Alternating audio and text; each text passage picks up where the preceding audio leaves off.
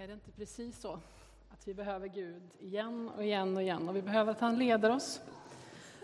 Och vet du att det här är en bra plats att vara på om man behöver Gud. Därför att det här är en sån plats där man kan få be och där man kan få att någon annan ber för en. Man kan få söka Gud. Och det kommer du få göra väldigt konkret här om en stund. Han är här för dig. Som jag sa inledningsvis så håller vi på i oktober månad och november månad att tala om kroppen. Och det är inte bara vilken kropp som helst, utan det är Kristi kropp. Vi är i två stycken kapitel i Första Korintsebrevet och hämtar våra texter. Och dessutom så är det att vi är just i Korintsebrevet är också en sorts start på att det kommer finnas möjligheter att komma på bibelstudier lite mer tydligt framöver. Eh, det blir på torsdagskvällar, 45 minuter bibelstudium. Och för alla här i kören blir det jättebra, för det är precis innan körövningen. Du kan komma själv, du kan komma med din cellgrupp, kan förlägga den hit. Du kan köpa fika i kaféet, du kan sitta kvar och få chans att samtala om det du har hört. Och den 3 november är första tillfället och det blir varannan vecka, så vi hinner tre gånger före jul och så kommer det fortsätta också efter nyår. Och det kommer vara just från första Korintierbrevet, så nu vet du det.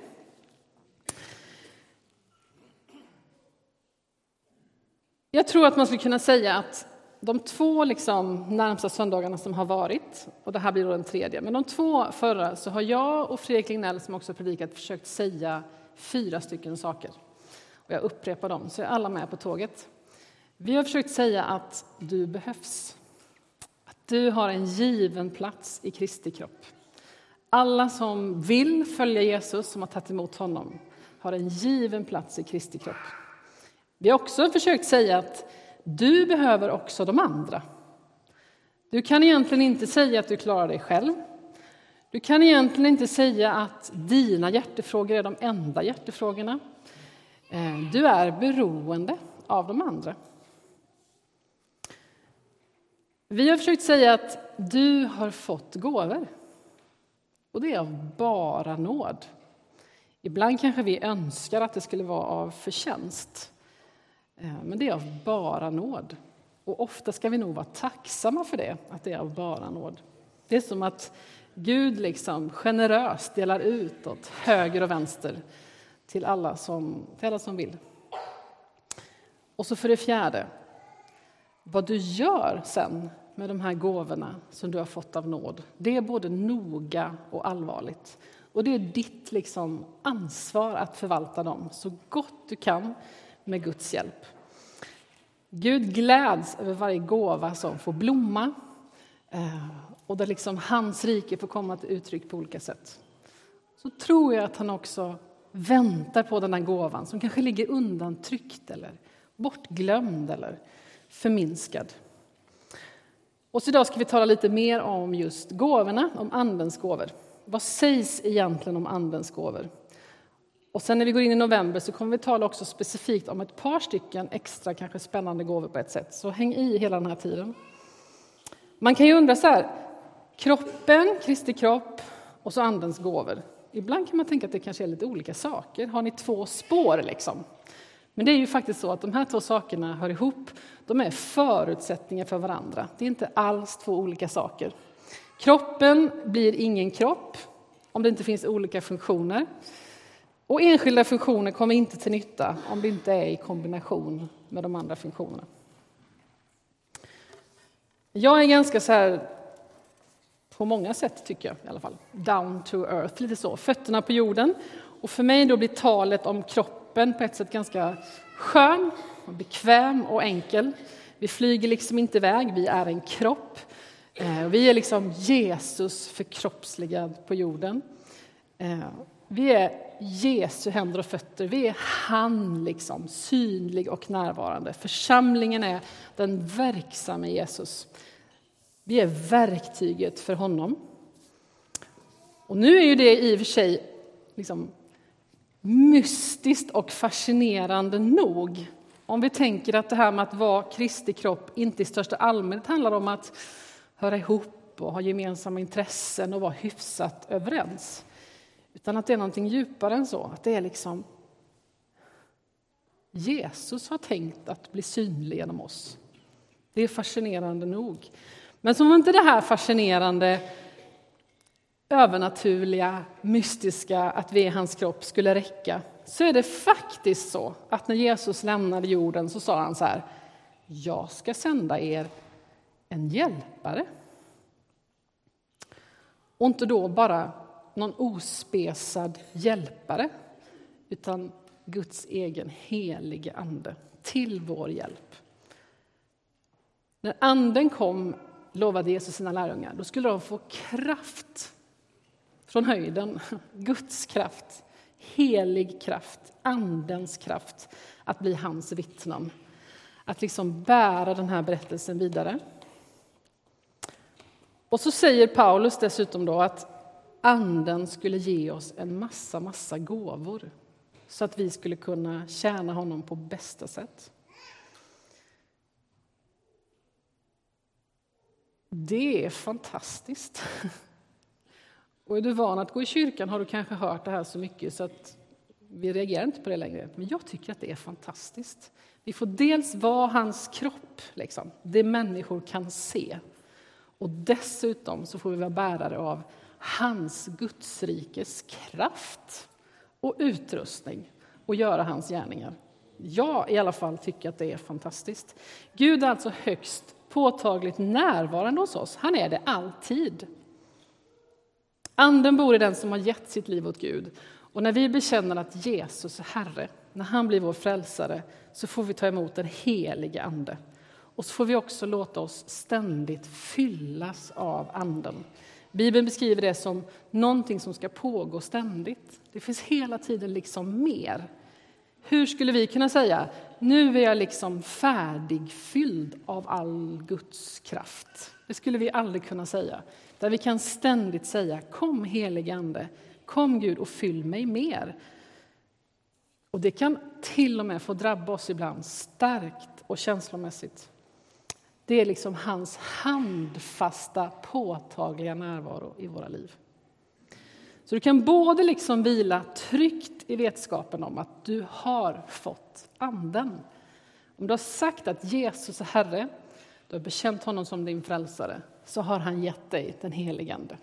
Punkt slut. Liksom.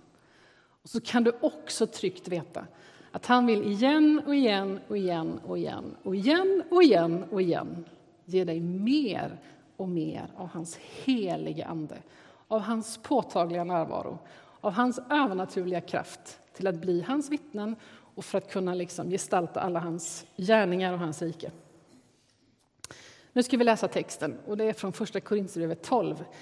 Ehm, kan vi stå upp, alla som kan och vill, så läser vi tillsammans. När man läser tillsammans tenderar det att bli lite långsammare, så kan vi hålla tempot lite. Varsågoda.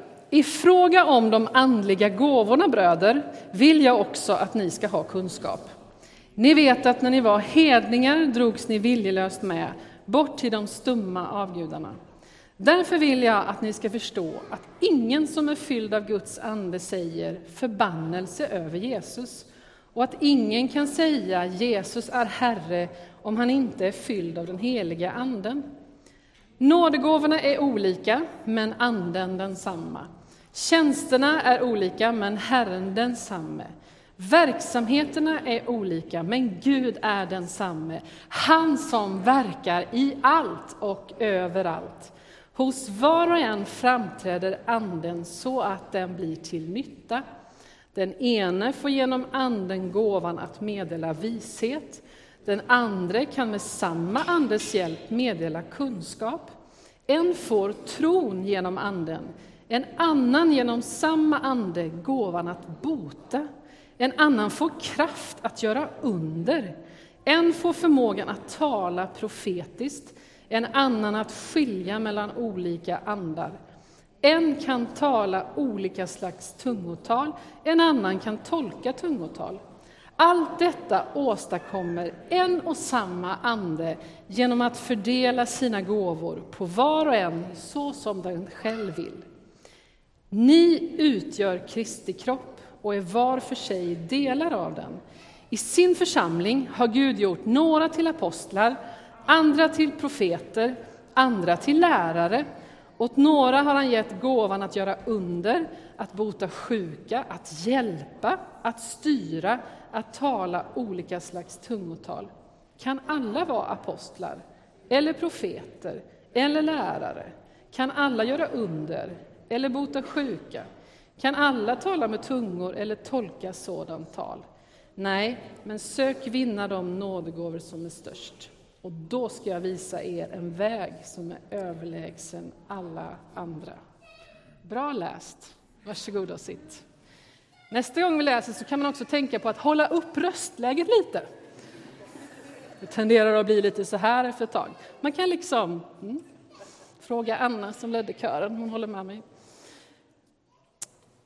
I början av den här texten så kan man se att Paulus han använder tre stycken olika uttryck, eh, eller begrepp, för att uttrycka att det finns en stor variation, en stor mångfald av gåvor. Och det första begreppet han använder är begreppet nådegåvorna. Det blir lite, så här, lite lektion idag nästan. Det ordet betyder precis vad det säger. En gåva av nåd. Ordet har egentligen att göra med allt det goda som Gud ger av nåd. Och egentligen så verkar inte Paulus skilja så förfärligt mycket på det som vi kan tycka är mer övernaturliga gåvor och det som är mer naturliga begåvningar. Betoningen ligger helt enkelt på att vi har fått gåvor av Gud, olika saker av Gud, av nåd. Och det andra begreppet han använder det är begreppet tjänsterna. I botten på det ordet så finns det det ordet som har blivit till vårt diakoni. Alltså att tjäna, att betjäna människor, att hjälpa, att göra tjänster.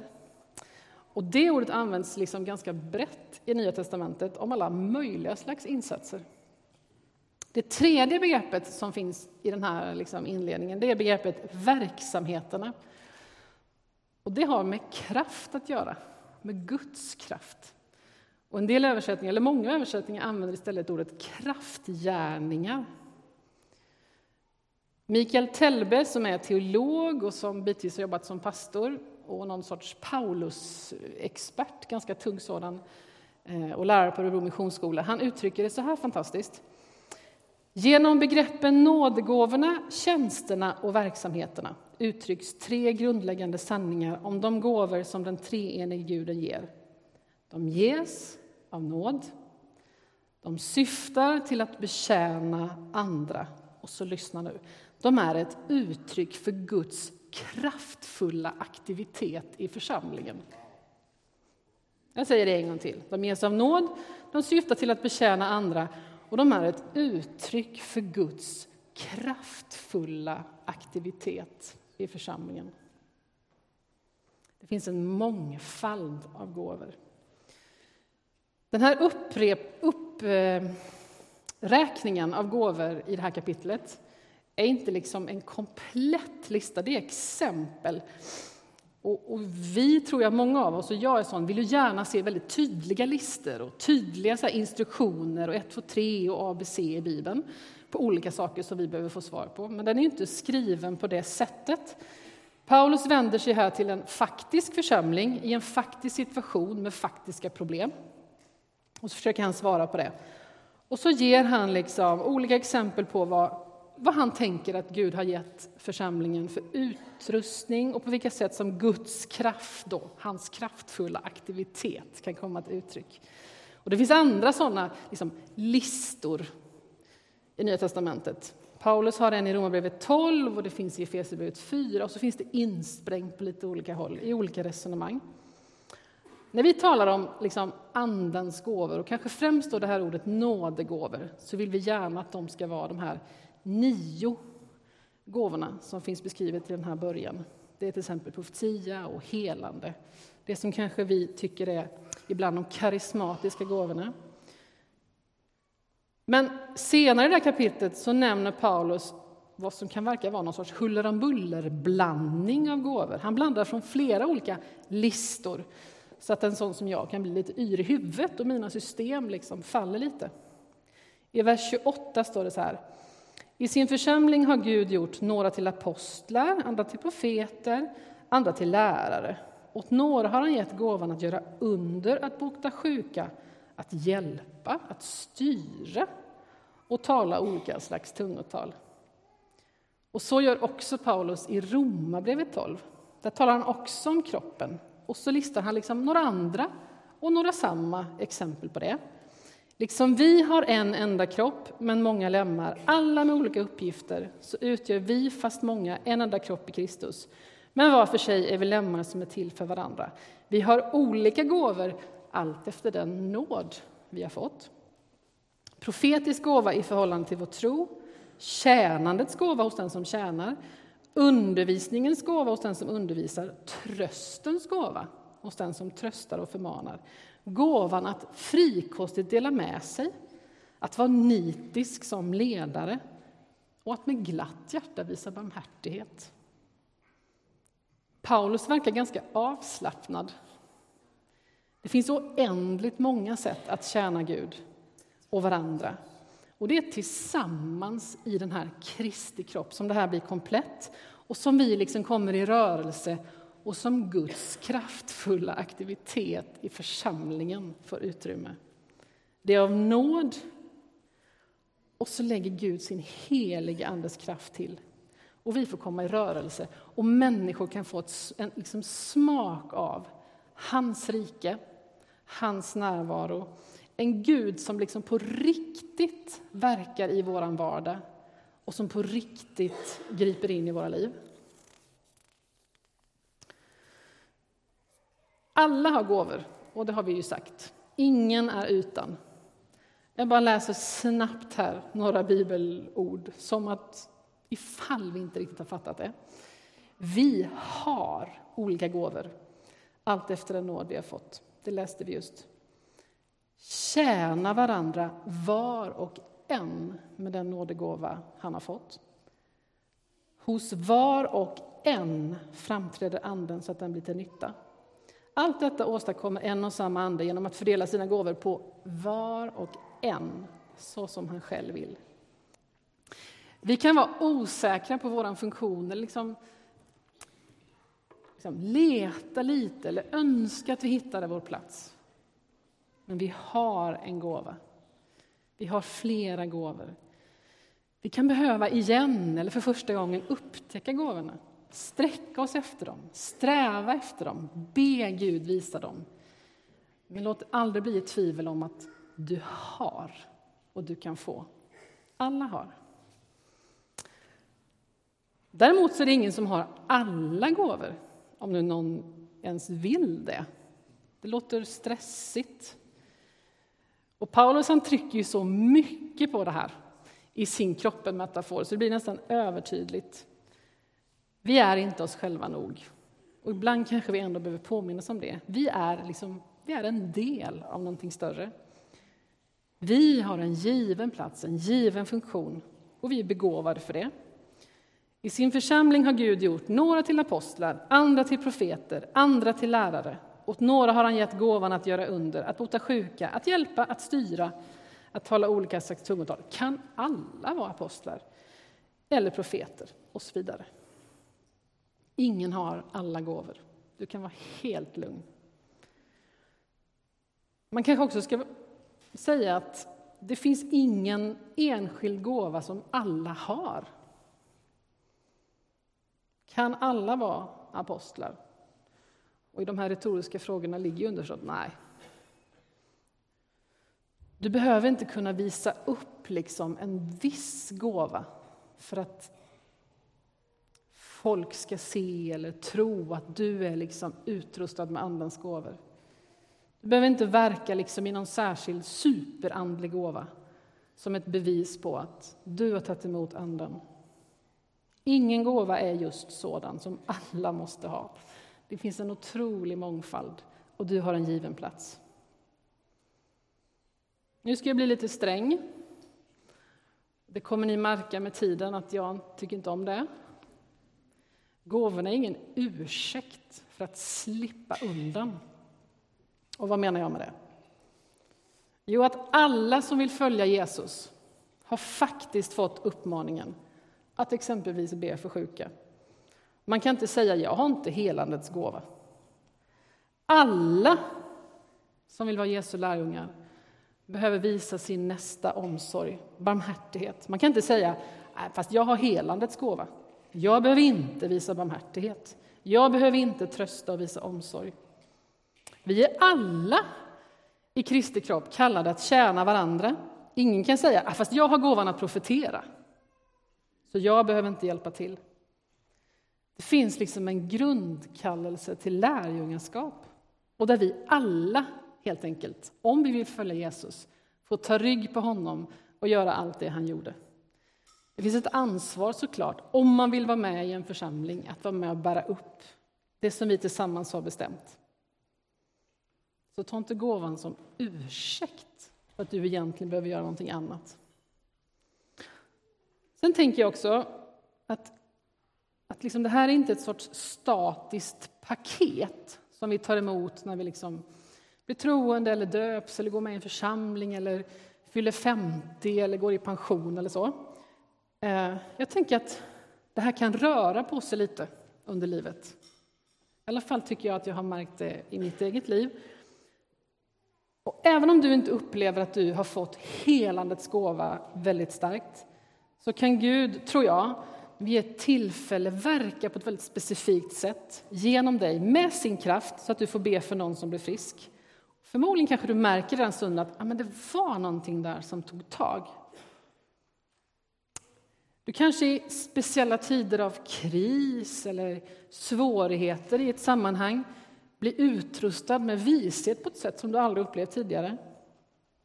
Kanske blir du, märker du att ditt ledarskap får liksom ett större mandat helt plötsligt i en given situation därför att det behövs just då. Kanske får du den här trons gåva helt plötsligt i tider av utmaningar och där det behövs att här tror vi, här vågar vi gå. Förmodligen märker du själv hur Andens kraft i det läget är nära. Hur någonting extraordinärt händer. Att du liksom skärps i en gåva. Jag tänker att man kan växa i gåvor. Jag tänker att man kan längta efter funktioner och gåvor som man hittills inte har sett i sitt liv. Att man får säga till Gud, jag skulle vilja ha det där. Eller jag ser att behoven på det här området är enorma. Gud, jag skulle vilja tjäna där. Utrusta mig. Kanske blir du helt plötsligt, som från ingenstans, använd i en gåva. Och du kanske inte ens vet själv vad det fick betyda, men någon annan säger oj, jag ser det här. Så får du växa i det. Du kan hamna i ett nytt sammanhang, på ett nytt jobb, i ett nytt team, i en ny uppgift, i en ny ålder. Och där någonting nytt som har slumrat hos dig kan få vakna. För vet du vad? Vi har att göra med Gud som verkar i allt och överallt. Han som är ständigt aktiv, han som vill utföra sin kraftfulla aktivitet i församlingen. Han vill alla människors upprättelse och frälsning. Han vill alla människor sitt goda. Han vill breda ut sitt rike.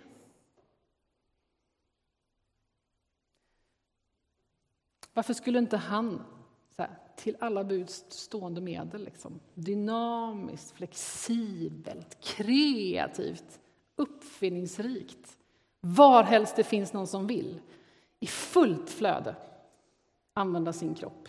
Och jag tänker att ibland blir vi så begränsade. Har jag den här gåvan? Där Gud bara, ja men kom igen, jag utrustar dig med det som du behöver. Han vill, för han vill bygga sin församling och bygga sitt rike och dra människor till sig.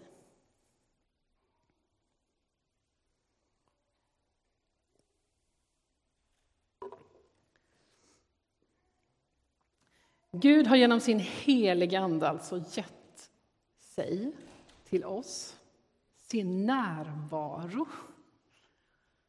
sin kraft, sin hjälp, sin inspiration och utrustning. Och det gör han genom den helige Ande som skulle komma oss till del. Och då får vi tillsammans i den här kroppen tjäna varandra, bygga upp församlingen och betjäna den här världen. Ingen står bredvid, ingen är mindre lämplig, alla har fått någonting. finns så många gåvor, men bara en Gud. Det finns så många gåvor, men bara en kropp där de ska användas. Och Gud har gjort allt för att den här världen skulle få del av honom. Han fortsätter att göra det genom oss. Kören ska få komma fram och alldeles strax sjunga en, en bön för oss. Och medan de går fram så ska jag citera Mikael Tellbe igen, han Paulus-experten.